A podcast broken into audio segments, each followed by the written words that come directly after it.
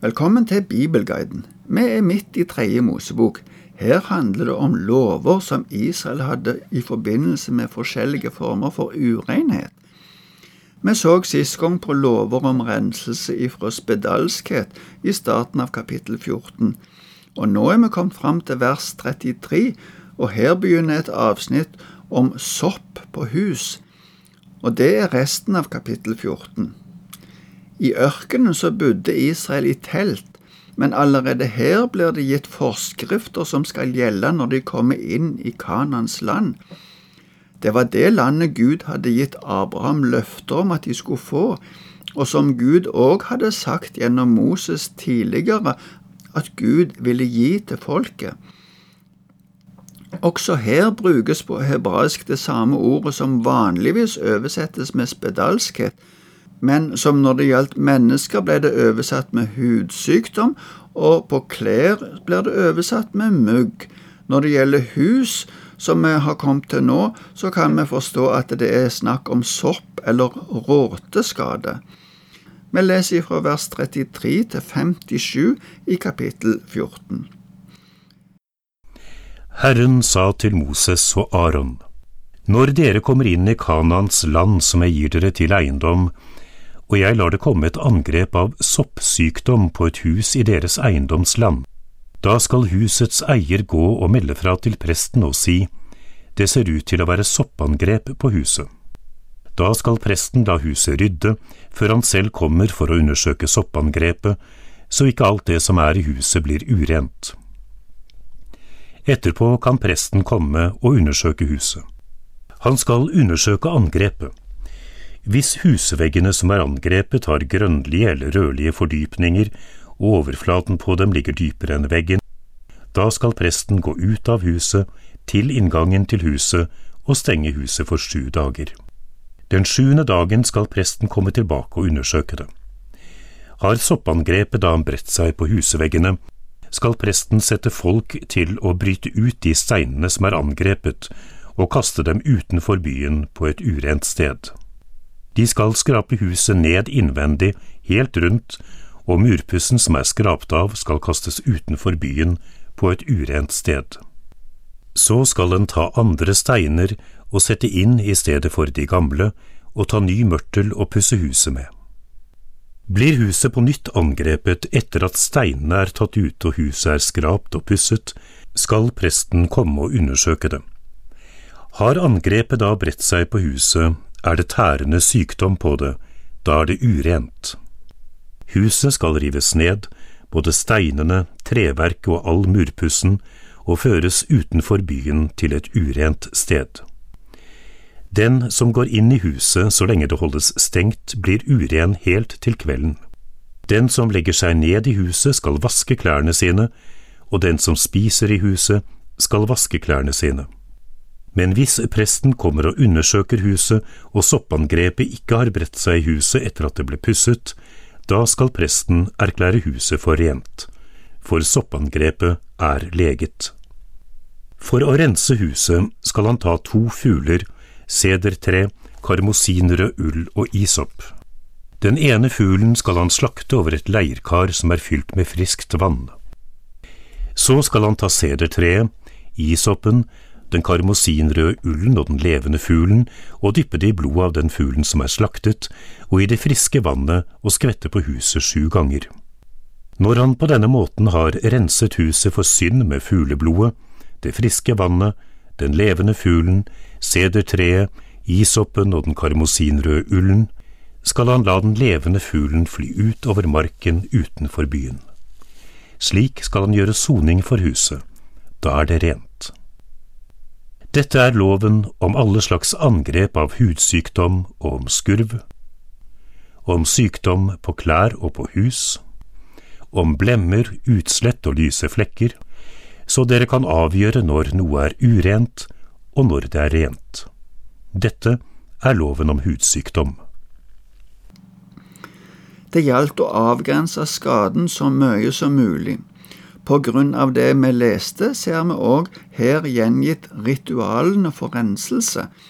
og de aller siste versene er bare en oppsummering som viser at her slutter forskriftene som på hebraisk har fellesbetegnelsen som kalles spedalskhet, men som vi på norsk bruker litt forskjellige ord på. Men vi lar det ligge nå. Så fortsetter vi over til kapittel 15, som handler om kjønnslig urenhet. Også i dette kapittelet er det mange detaljer som vi bare skal lese uten å kommentere noe særlig mer på. Vi begynner med å lese ifra vers 1 til 12 i kapittel 15. Herren sa til Moses og Aron, Tal til israelittene og si til dem, når en mann har utflod fra kroppen, er utfloden uren. På grunn av hans utflod skal dette regnes som urenhet enten utfloden flyter fra hans kjønnslem, eller lemmet er tilstoppet av utfloden, så er dette urenhet. Alt han ligger på, og alt han sitter på, blir urent. Den som rører ved sengen hans, skal vaske klærne sine og bade. Han er uren helt til kvelden. Og den som setter seg på noe han har sittet på, skal vaske klærne sine og bade. Han er uren helt til kvelden. Den som rører ved kroppen til den som har utflod, skal vaske klærne sine og bade. Han er uren helt til kvelden. Hvis den som har utflod spytter på en som er ren, skal den han spyttet på vaske klærne sine og bade. Han er uren helt til kvelden. Hver ridesal som den som har utflod sitter på, blir uren. Den som rører ved noe av det han har under seg, er uren helt til kvelden og den som bærer det bort, skal vaske klærne sine og bade, han er uren helt til kvelden. Rører den som har utflod ved noen uten at han først har skylt hendene i vann, skal den han har tatt på vaske klærne sine og bade, han er uren helt til kvelden. Rører den som har utflod ved et leirkar, skal det knuses. Er det et trekar, skal det skylles i vann. Det som her blir kalt utflod, kan bety flere ting. Oppkast, diaré, men her er det nok mest tenkt på sæd, i alle fall det som nevnes som utflod ifra kjønnslemmet. Når dette skjer utenom det som er normalt bruk, regnes det som urenhet, og alt slik utflod kommer i kontakt med, må renses. Den personen dette gjelder, må òg renses, og prosessen for det ser vi i fortsettelsen ifra vers 13 til 18. Når den som har utflod er blitt ren etter utfloden, skal han telle sju dager fram fra den tid han ble ren. Da skal han vaske klærne sine og kroppen i friskt vann. Så er han ren. Den åttende dagen skal han ta to turtelduer eller to dueunger og gå fram for Herrens ansikt, foran inngangen til telthelligdommen og gir dem til presten og presten skal ofre dem, den ene som syndoffer og den andre som brennoffer. Slik skal presten gjøre soning for ham, for Herrens ansikt etter utfloden. Når en mann får sædavgang, skal han vaske hele kroppen i vann, han er uren helt til kvelden. Hvert klesplagg eller skinnplagg som det kommer sæd på, skal vaskes, det er urent til kvelden. Og når en mann ligger med en kvinne og det går sæd fra ham, skal begge vaske seg i vann, de er urene til kvelden. Det er både snakk om renselse, slik som vi tenker med vann, men òg et offer for å ordne opp i forholdet til Gud. I fortsettelsen er det snakk om utflod fra kvinner, og da gjelder det både menstruasjon og hvis det kommer blod over lengre tid enn normal menstruasjon. Vi skal ikke si så mye mer om disse renselsesritualene, men bare lese de. Det er ikke noe som vi skal være bonde av i vår sammenheng.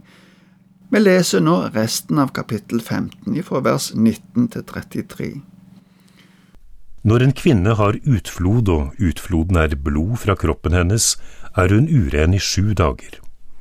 Den som rører ved henne, er uren helt til kvelden. Alt det hun ligger på mens hun har menstruasjon blir urent, og alt det hun sitter på blir urent. Den som rører ved sengen hennes skal vaske klærne sine og bade, han er uren helt til kvelden. Og den som rører ved noe hun har sittet på skal vaske klærne og bade, han er uren helt til kvelden. Ligger det et eller annet der hun har ligget eller sittet og noen rører ved det, er han uren helt til kvelden. Dersom en mann ligger med henne, blir han uren av menstruasjonen hennes i sju dager. Alt han ligger på, blir urent.